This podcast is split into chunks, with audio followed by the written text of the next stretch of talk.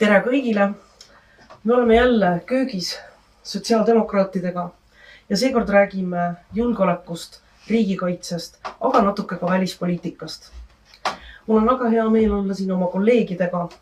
Aivar Jääske, kes on kolonel reservis, meie erakonna esimees Lauri Läänemets, siseminister ja Raimond Kaljulaid, kes on riigikaitse, kes on Europarlamendi riigikaitsekomisjoni esimees. aitäh!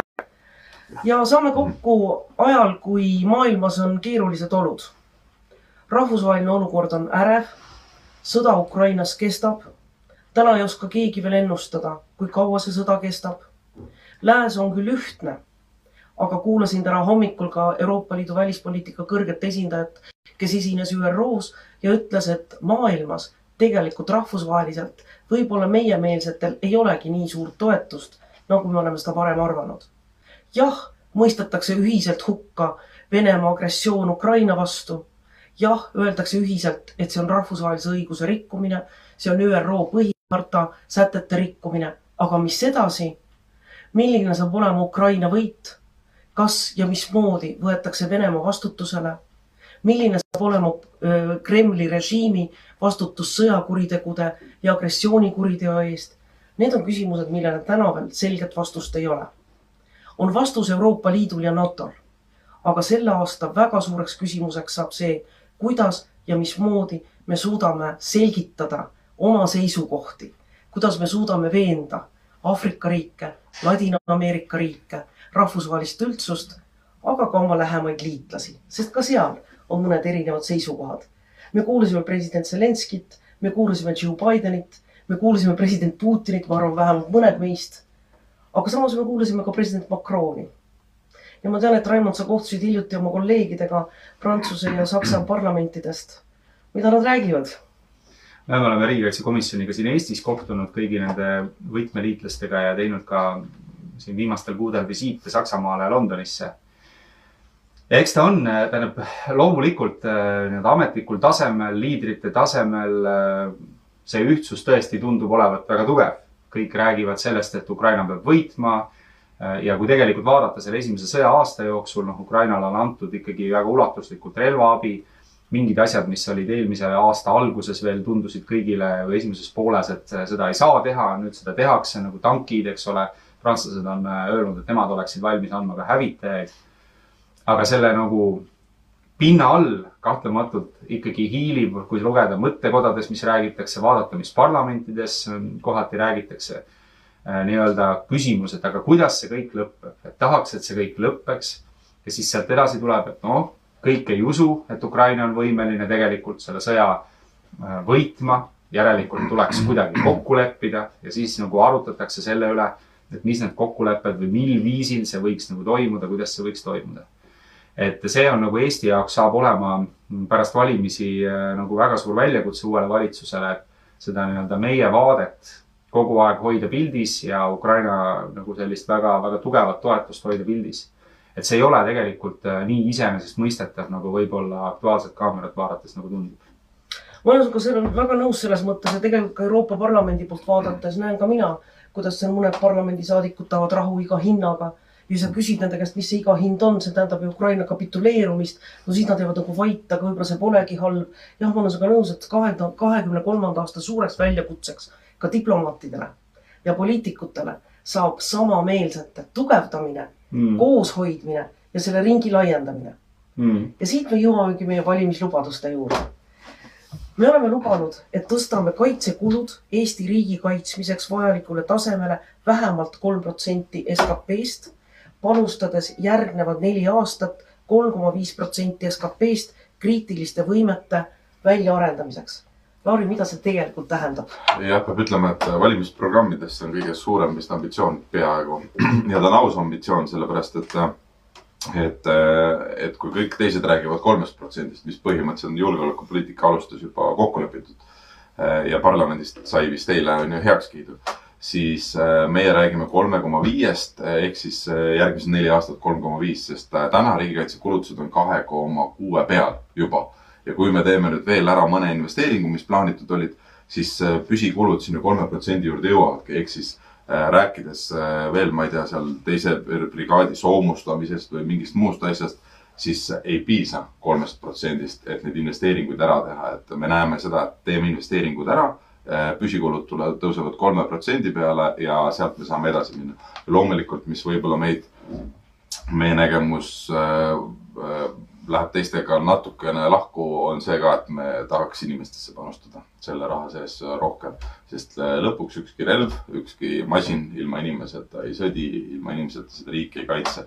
ehk siis äh, kaitseväelased, kaitseliitlased, äh, tegevteenistujad, kes, kes ametis on, peavad ka sellest osa saama, sest tavaliselt on nii, et kui me kui me raha juurde paneme, kui me uusi võimeid loome äh, ja inimestesse ei panusta, siis tuleb see mingi teise olemasoleva või võime arvelt, äh, sest inimesi on teatud piiratud hulk. Nende võimekus on äh, piiratud, on ju, kui me neid tööga üle koormame, siis on raske sealt sellist sisulist tulemust saada. no meie programmis on veel üks täiendav maks ka, mis ei ole kindlasti populaarne, aga mis on aus. me teame, et kulutused riigikaitsele suurenevad. Need tulevad millegi arvelt nad tulevad haridusest, nad tulevad tervishoiust, nad tulevad palkadelt. et võib-olla olekski siis ausam öelda, et praeguses keerulises kriisiolukorras seame sisse riigikaitsemaksu. protsent on üks, piiratud ajaks, vabastame teatud elanikkonnagrupid kui palju oleks, oled pidanud, nüüd sina sellele küsimusele vastama? päris palju ma olen pidanud seletama, et meie, meie konkurendid peavad seda halvaks, et äh, maksutõus, aga ma arvan, et see on aus sest äh, kui me tegime kasvõi selle, selle aasta nüüd riigieelarvet või riigieelarve strateegiat, see hästi lihtsustatud äh, seis on selline, seal oli vabasid vahendeid kakssada viiskümmend miljonit ja ainuüksi kakskümmend viis aastal vist oli see keskmaa õhutõrje maksis kakssada kuuskümmend kolm miljonit. no, et äh, sul ei ole võimalik, sa saad teha ainult riigikaitsekulu ära ja tõesti palkadeks ega millekski ei jää raha, arvestades hindade tõusu, elu kallinemist kui sa nii-öelda õpetajate ja kõigi teiste peale ei mõtle, siis see tuleb ringiga lihtsalt tagasi, et aus on öelda, et, et jah, me võime laenu ka võtta, aga laenu tuleb samamoodi tagasi maksta. et me seda laenu ei ole välistanud, et aga aus oleks teha see riigikaitsemaks no ütleme nii, et mitte pensionäridele, et neil see pension on nii väike, aga inimesed, kes käivad tööl, ettevõtjad, kes teenivad tulu, meil kõigil on, mida kaitsta ja see on meie kõigi huvides et teeme viis aastat ajutiselt seda ära, me saame oma riigikaitsevõimekuse oluliselt äh, kõrgemale ja, ja ei tule see kellegi nii-öelda toimetuleku hinnaga. ja nüüd räägime siis, mida see tegelikult tähendab. meie sinuga oleme kõige värskemad poliitikud selles poliitikute reas ja sina oled isegi veel värskem poliitik kui mina. ja Aivar on teeninud üle kahekümne aasta, kakskümmend viis aastat vist Eesti, Eesti Kaitseväes sa oled olnud missioonidel Afganistanis, Iraagis, sa oled esindanud meid NATO-s, sa oled esindanud meid ehk Eesti riiki küber äh,, hübriidkait- hüb, äh, strateegilise. kommunikatsioonikeskuses, mis asub äh, Lätis Riias. et kui sa kuulad neid lubadusi ja kui sa vaatad mm. neid protsente ja kui sa peaksid inimestele ära seletama, mida see tegelikult tähendab? Äh, nagu Lauri ütles, et äh, tegelikult äh, riigikaitse moodustavad inimesed, et ma ei ole nii palju mures relvasüsteemide pärast, sest nagu Ukraina õppetunnid on näidanud, siis liitlased tulevad meile appi, nad annavad meile relvastust, aga inimesi ei anna keegi. ehk siis me peame tõsiselt vaatama üle oma riigikaitse strateegia just inimestest lähtuvalt ja, ja see raha peab äh, invest-, me peame selle raha investeerima, see kolm protsenti ja edasi, peame investeerima uuesti inimestesse, sest kaitseväes on kahjuks viimastel aastatel äh, käimas protsessid, kus äh, näiteks kaks tuhat kolmteist, kui tehti suur reform, siis põhimõtteliselt suleti kuus staapi, millega seoses sadakond vanemohvitseri lihtsalt äh, oli sunnitud lahkuma süsteemist. et äh, praegust need inimesed on olemas, me saame neid tagasi kutsuda, me saame uuesti üles ehitada äh, sellise tugeva riigikaitse, sest kaks tuhat kolmteist tegelikult ka lõhuti ära territoriaalkaitse selliselt, nagu ta oli kindral Laaneotsa poolt planeeritud ning anti hästi palju ülesandeid Kaitseliidule aga ülesannetega koos ei antud ressursse.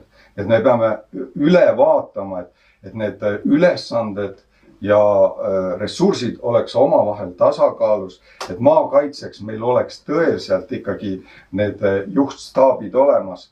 ja need oleksid ka mehitatud ja, ja need oleks ka välja, välja õpetatud. ehk siis teine asi, mis me peame tegema, peame taas vaatama üle meie riigikaitsehariduse ja, ja ka sinna öö, rohkem investeerima. meil on suurepärane rahvusvaheline õppeasutus meil siin Balti Kaitsekolledž, kahjuks meie militaarharidussüsteemis ta on ainult kursuste keskus.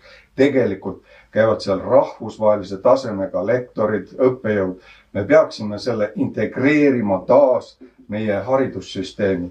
Ja kui me räägime ajateenistusest, siis ajateenistus on ka ju tegelikult militaarhariduse andmine meie kodanikele. täna me tegelikult anname ajateenistuskogemust ainult osadele noortele need äh, noori, kes lõpetavad keskkooli, tegelikult on palju rohkem, keda me saaksime kutsuda ajateenistust läbima. nüüd küsimus on, äh, kas me anname selleks raha juurde, et rohkem inimesi võtta või kasutame olemasolevaid ressursse ja lühema ajaga pane, laseme ajateenistust läbi rohkem, rohkem noori, et, et see on üks, üks diskussioon, mis meil tuleb ka ikkagi veel kord äh, üles tõstatada.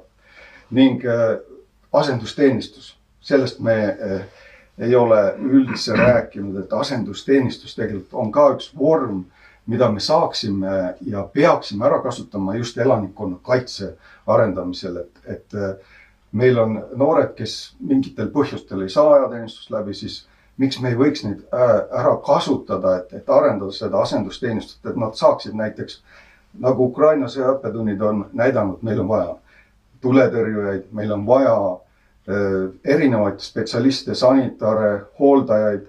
Et, et asendusteenistus on see võimalus, kus me saaksime nendele noortele ka anda nii-öelda põhi äh,, selle põhiseaduses ette nähtud võimaluse, et iga Eesti riigi kodanik vastavalt seadusele peab panustama Eesti riigikaitsesse ja tea, ma ütlen nendele, kes ei tea, Aivar oli see äh, kaitseväe juht, kes lubas oma äh, üksusesse naised teenima. Mis oli päris erandlik. ma saan aru, et juhtkond toetas sind, tookord oli vist kindral Kert, aga sina olid esimene, kes selle sammu tegi. ja täna me näeme, et tegelikult naisi teenib kaitseväes järjest rohkem. jah, täpselt, et äh tuhande üheksasaja üheksakümne seitsmendal aastal olin siis mina äh, see esimene väeosaülem, kes kindral Gerdi loal äh, andis võimaluse Eesti noortel tütarlastel tulla teenima äh, kaitseväkke ajateenijatega võrdsetel alustel. ja, ja see, see oli siis selle stardipauguks, kus, kus sellest ajast on, on palju noori neile käinud teenimas seda protsessi tuleks meil ainult soodustada, sest, sest äh, minu kogemus äh, sellest, sellest äh, on see, et poisid, poisid ja tüdrukud tegelikult sellises olukorras saavad omavahel väga hästi hakkama ja, ja need noored tütarlapsed isegi distsiplineerivad kõige lurumaid poisse, et, et, et nad ka ei taha nii-öelda hädised välja näha just tütarlaste ees, et see on väga-väga hea võimalus meil, meie riigikaitset tugevamaks teha. Eile oli mul erakordne võimalus olla Kiili gümnaasiumis. Kiili gümnaasiumis on riigikaitseõppe suund ja nad korraldasid paraadi oh,. Oh, ja see oli päris paraad. seal maik-, seal marssisid kaitseliitlased, Naiskodukaitse, kodutütred, klassid, õppesuunad. koolidirektor võttis paraadi vastu pärast seda oli kõnekoosolek, tervitati aktus. noh, see oli midagi sellist, mida ma ei olnud varem näinud. Aga nüüd, Lauri, kui ma tõmban su alla erakonna juhi kohalt ja siseministri kohalt ja sina kui kaitseliitlane. kuidas sina seda näed, mida ka Aivar kirjeldas, et Kaitseliit, ma tean, et Kaitseliit astub järjest rohkem, Naiskodukaitsjana ma tean, et ka Naiskodukaitsjate arv suureneb pidevalt. aga kuidas on need rahalised vahendid, kuidas on see toetamine riigi poolt? Jah, ma kõigepealt pean ütlema ära, et Aivaril selles mõttes on õigus, et äh, naiste koha pealt, äh, et distsiplineerib mehi väga hästi. ma olen seda Kaitseliidus väga palju näinud, et äh, mitte keegi ei saa hädaldada. et tuleb alati nagu edasi joosta.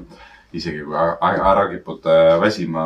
jah, ma pean ütlema ka, et Kaitseliidus teatud kohtades ikka seda rahapuudust on ja see annab tunda et äh, näiteks, mis puudutab ka kogu äh, seda juhtivpersonali või instruktorkoosseisu on ju, et noh, staapidest äh, rääkimata, meil on neid kohti, kus kohas täna, täna mehitada täpselt, mida Aivar ütles, on ju, on päris palju või noh, ma ei saa nüüd detailis rääkima hakata, et see on see koht, kus kohas või see ruum, kus kohas neid rääkida ei saa, aga mis puudutab personali, mis puudutab tuge vabatahtlikele palgalist tuge, seda näiteks ei ole.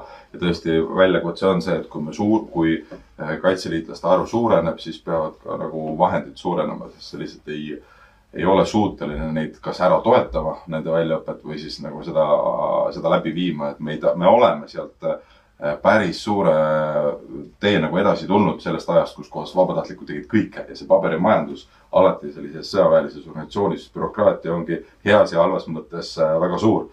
ja kui sa lased äh, niimoodi, et need vabatahtlikud peavad seda bürokraatiat hommikust õhtuni tegema, lihtsalt väsivad sellest ära. Nad on tulnud sinna, et et anda oma panus on ju riigikaitsesse, et viia väljaõpet läbi, nad võivad värvata, on ju kõike seda teha. aga, aga mitte sinna bürokraatiasse uppuda, nii et äh, ma olen täiesti nõus, seal on, äh, on neid kohti küll. Raimond, sinult tahaksin küsida sellist asja, et mida ma olen ka pidanud tänavatel, kui ma inimestega kohtun, küsitakse, kui kaua me seda Ukrainat toetame. Kas me toetame Ukrainat oma kaitse hinnaga? kas me oleme ära andnud kõik, mis meil vaja enda kaitseks nüüd Ukrainale, kas me oleme kaitsetud? noh, mina tean vastust mm.. aga noh, meil on ka no. Riigikogus üks erakond, kes on kritiseerinud väga teravalt peaministrit, kindral Heremit. mida sa nendele inimestele ütled? No see ongi, see, see on tegelikult nagu sellel, sellel EKRE nagu propagandal on oma mõju, et äh, reaalsuses, kui me tegelikult vaatame, mida nad räägivad, siis nad ütlevad, et näed, et umbes, et meie siin, eks ole, arendaksime väga tugevat riigikaitset, paneksime sinna väga palju raha Äh, looksime, äh, tooksime Eestisse tangid, eks ole. noh, võrdleme siis, nad olid võimul kaks tuhat üheksateist kuni kaks tuhat kakskümmend üks. Kaitsekulutused püsisid seal üle kahe protsendi, nii nagu nad olid alati olnud. nüüd, eks ole, on praegune valitsus, kus on sotsiaaldemokraadid, Reformierakond, Isamaa me oleme tõstnud kaitsekulutused ligi kolme protsendini, järgmisel aastal nad tõusevad kolme protsendini, me oleme Riigikogus kokku leppinud, et see kolm protsenti jääb pikaks ajaks Äh, me tegelikult äh, alustasime kaitse äh, selliste uute hangete ja, ja, ja võimete loomist nagu väga varakult juba. Kiiremini kui mitmed liitlased, kellel on praegu päris keeruline neid hankeid tegelikult läbi viia. et, et me oleme tegelikult nagu kõvasti just nimelt panustamas ja tõstmas oma kaitsevõimet ja selle kõige kohta noh, öeldakse, et oi, tegelikult on Eesti kaitseta et loomulikult seda ju ka kaitseväe juhid, eks ole, on möönnud, et teatud relvade puhul Äh, mida me oleme Ukrainale andnud, meil loomulikult me anname need oma laost ära, neil ei, neid ei ole seal laos enam, eks ole, ja mingi aja jooksul tuleb meile asendus. Et äh, aga küsimus on lõpuks selles, et äh, see ei tähenda seda, mida nagu Martin Helme ja, ja, ja teised räägivad, et Eesti on ilma relvadeta, Eesti on ilma kaitseta. Mm.. tegelikult on siia toodud ka juurde liitlaste tehnikat, liitlaste vägesid viimase aasta jooksul. Et äh, ja, ja, ja siis teine küsimus on see, et aga mis see alternatiiv siis on, et äh, lõppkokkuvõttes täna ma arvan see, et Eesti ja Soome ja Poola ja paljud äh, teised nii-öelda just selle idapiirkonna, kes oleksid tegelikult esimesena ju löögi all, kui, kui venelane tuleks, eks ole. et meie oleme nagu nii tugevalt Ukrainat aidanud, see loomulikult on nii-öelda olnud selline eestvedamine, see on nagu kogu NATO ja, ja kogu selle Ramsteini formaadi raames kõik need viiskümmend riiki, kes Ukrainat aitavad noh, väga raske on suurriigi nii-öelda kaitseministril seal laua alla peitu pugeda ja teeselda, et teda pole ruumis olemas, kui kõrval on väikeriigid, kes ütlevad, aga meie aitame, onju. Et selles mõttes ma arvan, see on olnud nagu õige suund ja, ja, ja noh, selle ümber sellise hüsteeria või nagu hirmutamise kütmine, et see on nagu noh, see lihtsalt näitab seda, et see erakond tegelikult on nagu minu sõna otseses mõttes nagu Eestile tegelikult ohtlik seltskond. ja kui tohib korra, et noh, selles loogikas peaks ju siis äh, see süüdistus on seal midagi sellist, et äh, kaitseväe juhataja teeb seal poliitilist tellimust, et äh, sellises, noh, kui see nii oleks, äh, siis peaks terve kaitsevägi praegu tagajalgadel olema ja vastupidi ütlema, aga, aga millegipärast ei ole.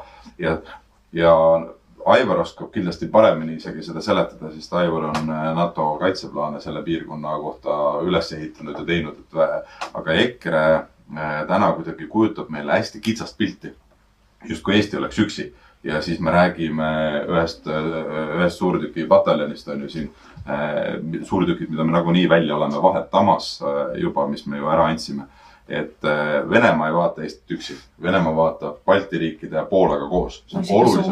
Soomega koos. jah, ja ta ei tule kunagi üksi Eestit ründama ega midagi nii, ta vaatab suuremat pilti. ja kui sa nüüd asetad sinna selle NATO kaardi vastu, et kuidas see NATO seal paikneb, see pilt on hoopis teistsugune.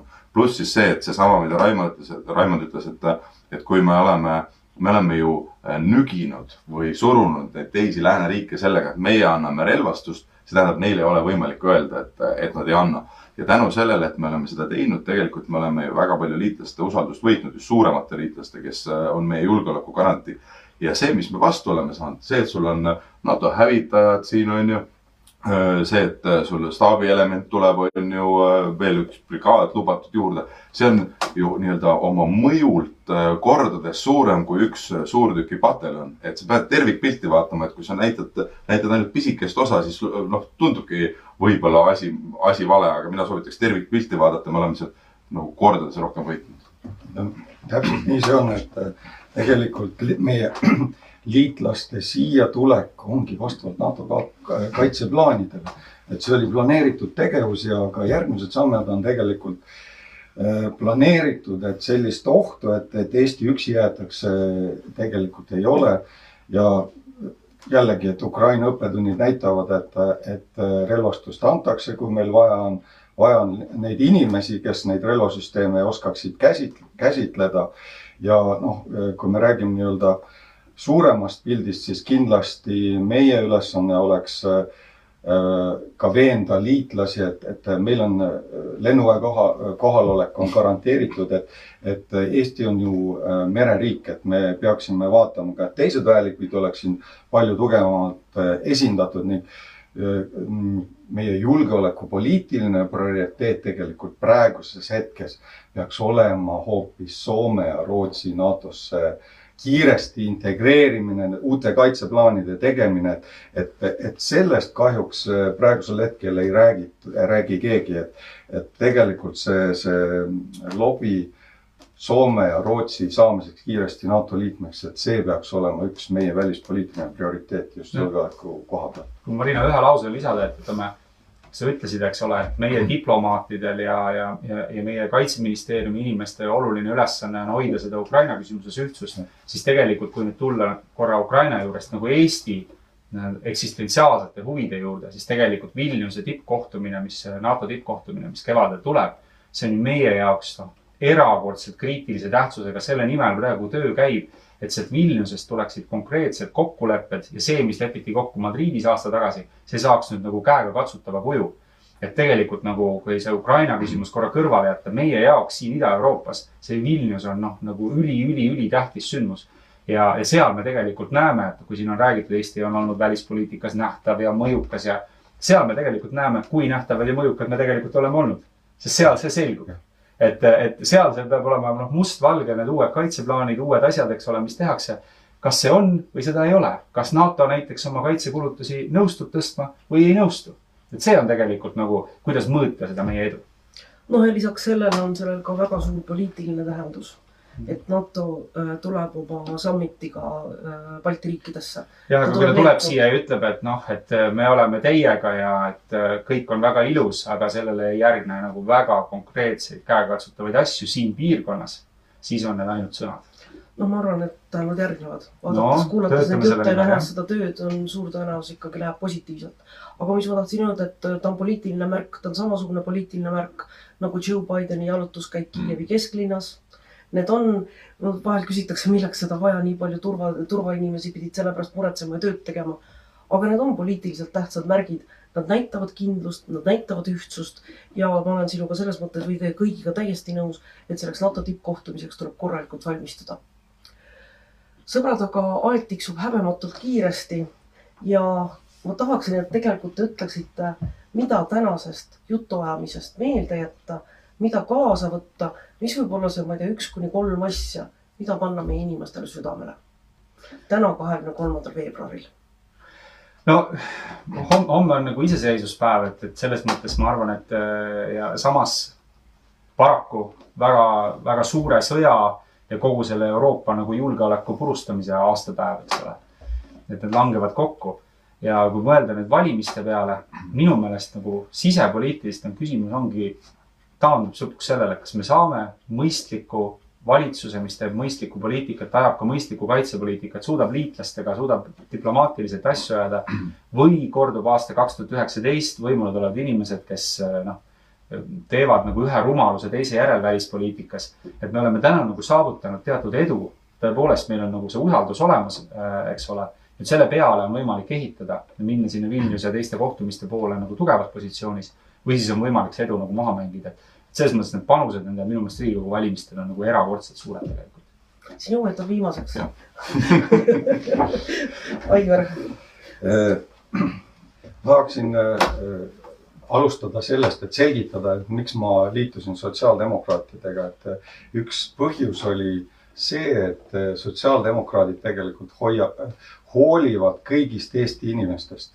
ja, ja see on üks moto, mis peaks kehtima ka kõikides meie, meie struktuurides, terves meie riigis, et me omasid ei jäta maha, et me hoolime kõikidest inimestest. et, et Eesti rahvas on olnud väga tubli, et me oleme aidanud Ukrainat. Ukraina sõda tegelikult käib juba üheksa aastat. me tähistame tegelikult üheksandat aastapäeva. Ja, ja, ja sellises olukorras, kus see intensiivne sõjategevus algas aasta tagasi, et, et, et Eesti rahvas on näidanud oma head tahet, head südant. Ja me oleme aidanud seda, seda rahvast, et me peame sellega jätkama ja me peame aitama neid, kes hädas on, mitte ainult Eestis väljas, vaid ka siin sees, me peame hoolima üksteisest ja, ja see olekski minu soov, et hoolige üksteisest ja tulge valima. Lauri. jah, Meelis Oidsalu, tunnustatud Eesti julgeolekuekspert, hindas Postimehes sotsiaaldemokraatide siis riigikaitseprogrammi üheks parimaks. ja seda selles mõttes, et me ei keskendu ainult mitte metallile, rauale, vaid nii nagu Aivar ütles, vaatame pilti laiemalt, selle pildi sees on inimesed. Ja täpselt samamoodi, nii nagu riigikaitsesse, nendesse masinatesse, relvadesse, laskemoona panustamine on, on samal hetkel väga oluline, kuidas inimesed Eestis toime tulevad sest kui inimene peab tegelema ellujäämisega, sellega, et su pere ots otsaga kuidagi to toime tuleks, et sult kodu ära ei võetaks, siis sul ei ole aega mõelda sellele, kuidas riigikaitsega on. Sealt tulevad pettumused riigis, sealt tuleb heitumine, sealt tulevad konfliktid ja lõhestunud ühiskond on oluliselt nõrgem iga vaenlase vastu. ehk siis no meie meie see põhisõnum ei ole niisama toimetulek on julgeolek, vaid sellel ongi teaduslikult ja igas muus loogikas väga oluline tähendus, et meie jaoks on toimetulek julgeolek. mina ütleksin omalt poolt, et me kõik saame panustada riigi julgeolekusse ja turvalisusesse. Mina liitusin Naiskodukaitsega kahe tuhande kuueteistkümnendal aastal pärast seda, kui ma olin olnud välisminister ja rääkinud kõigil kohtumistel NATO-s ja Euroopa Liidus, kuidas meil on laiapõhjaline riigikaitse siis ma lihtsalt tahtsin näha, no kui laiapõhjaline ta on. ja ta on. ta suureneb, ta laieneb, iga inimene Eestis saab panustada oma riigikaitsesse. teiseks tahaksin mõelda seda, et keerulistel aegadel tuleb valida neid, keda te tunnete, keda te usaldate ja kellest ei ole pettunud. Neid, keda kuulatakse siseriiklikult ja neid, kellega arvestatakse ka rahvusvaheliselt ja täna, kui me räägime siis Eesti, Eesti saja viienda aastapäeva eelõhtul, ma arvan, sobilik kõigile ka soovida ilusat vabariigi aastapäeva. Et meil kõigil oleks võimalus süüa kilo võileibu nende inimestega, kes on meile kallid ja armsad, mängida lastega, olla nende inimestega, kes on meile kallid ja armsad. ilmselt tuleb lõpetada ka seekord nagu alati, elagu Eesti. elagu Eesti.